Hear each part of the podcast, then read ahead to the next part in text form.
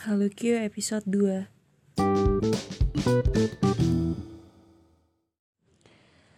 Selesai pelajaran keempat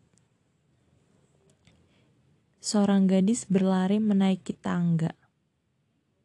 Menuju lantai tiga Tempat ruang siaran Radio sekolah SMA Inerizaki berada ia menghela nafas, menarik nafasnya lagi, membuangnya, menariknya, begitu seterusnya. Sampai akhirnya ia mengacak rambutnya sendiri. Ia seperti gregetan, seperti bingung apa yang akan dia lakukan. Ah, tidak, ia tidak bingung. Ia hanya butuh keyakinan dan dengan sekali hentak ia membuka ruang siaran radio yang memang kuncinya ia punya. Ia menarik mikrofon. Ia tarik nafasnya lagi. Ia biarkan perasaan membucah itu terkumpul. Dan ia siap untuk meledakkan perasaan itu. Duar! Tepat jam istirahat pertama tanggal 5 Oktober. Ia ingin menyampaikan sesuatu.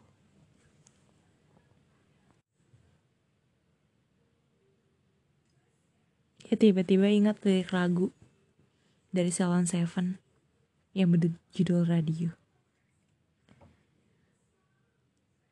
Lagu itu seperti sedang mengejeknya dan memintanya untuk melakukan hal gila, hal memalukan yang tidak pernah ia terpikirkan. Maka ia harus mencobanya. Ya, kali ini ia harus mencobanya.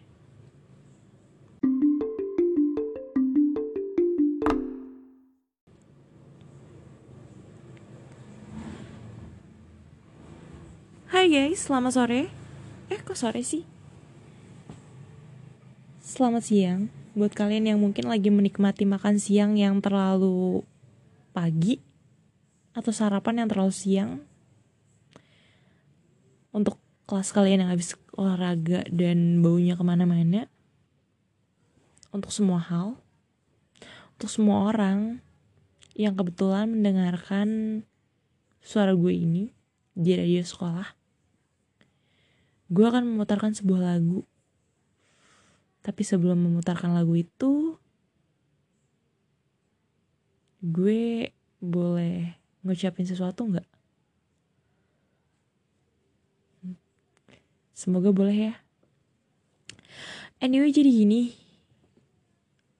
gue harap orang itu lagi dengerin ini.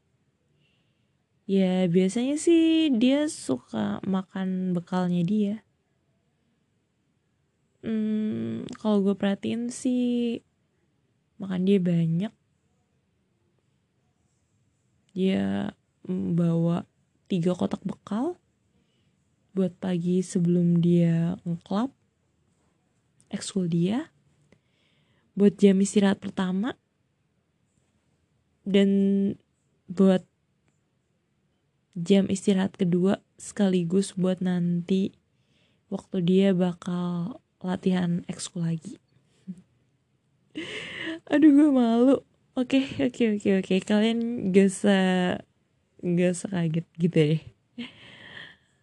gue gak lama-lama gue cuma mau bilang buat lo yang dengerin ini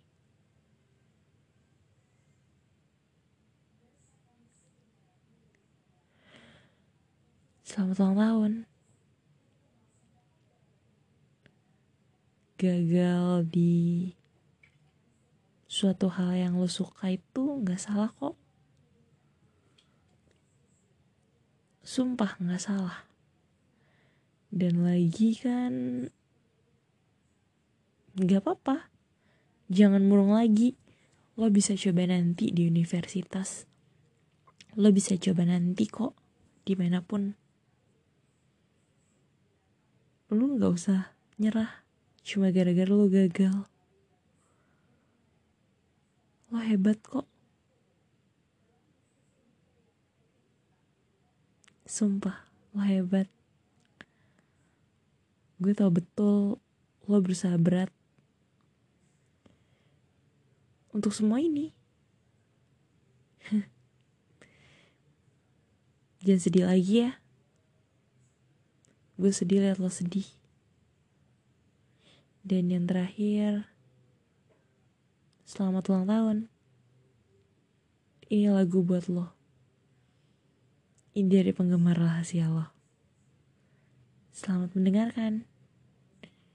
Mia Atsumu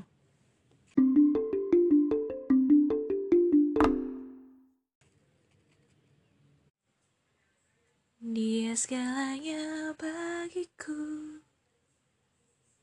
Dia segalanya bagiku. Apa yang terjadi jika ku gagal menemukannya? Lewat radio. Aku sampaikan kerinduan yang lama terpendam Terus mencari. Biar musim berganti Radio cerahkan hidupnya. Jika hingga mati ku tak bisa Menemukan hatinya. Menemukan hatinya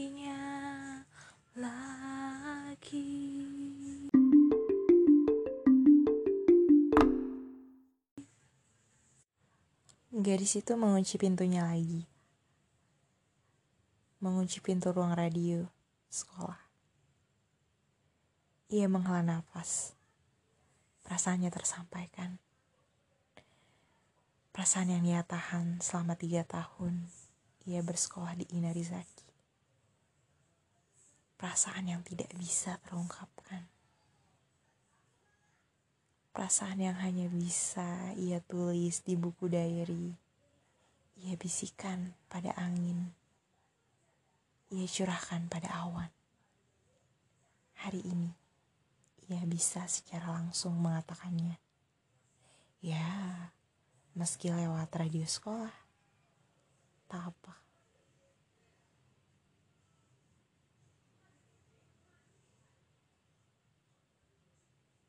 Oh, tidak.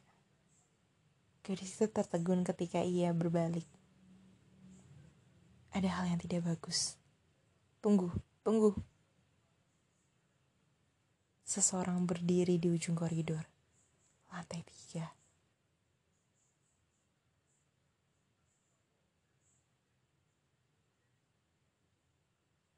Lagu itu buat gue. Sayangnya, yang berdiri di sana bukan Mia Atsumu. Yang berdiri di sana Osamu. Kenapa nama dia yang disebut? Kenapa bukan gue? Katanya.